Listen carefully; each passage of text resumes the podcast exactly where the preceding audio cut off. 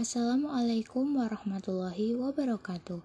Hi everyone, my name is Ika Risnawati. In the journal week 14, I will briefly tell you two news that I know. The first news with the title Jokowi attributes Kalimantan flooding to rainwater catchment damage. And the following is a summary of the news. Floods in Kalimantan are caused by damage to rainwater catchment area, so they need repair, said President Joko Widodo. In addition, another factor is the extreme rainfall in Kalimantan or the island of Borneo, he said. During the last their weeks, flash flood hit Sintang Regency, West Kalimantan Provide, because the Kapuas River overflowed and about 969,000 hectares of watershed in West Kalimantan were damaged and in critical condition. Major damage was found in the Kapuas River basin.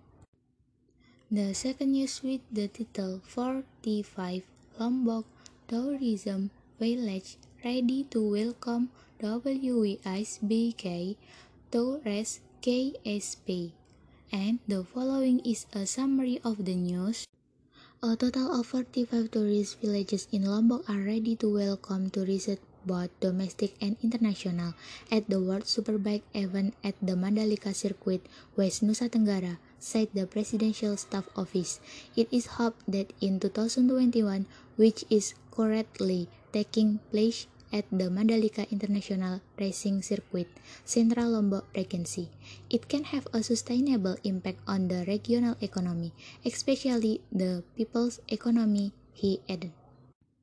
My experience after practicing the new vocabulary that I found into news broke a change for me. I also feel happy because I can know the latest news while learning English.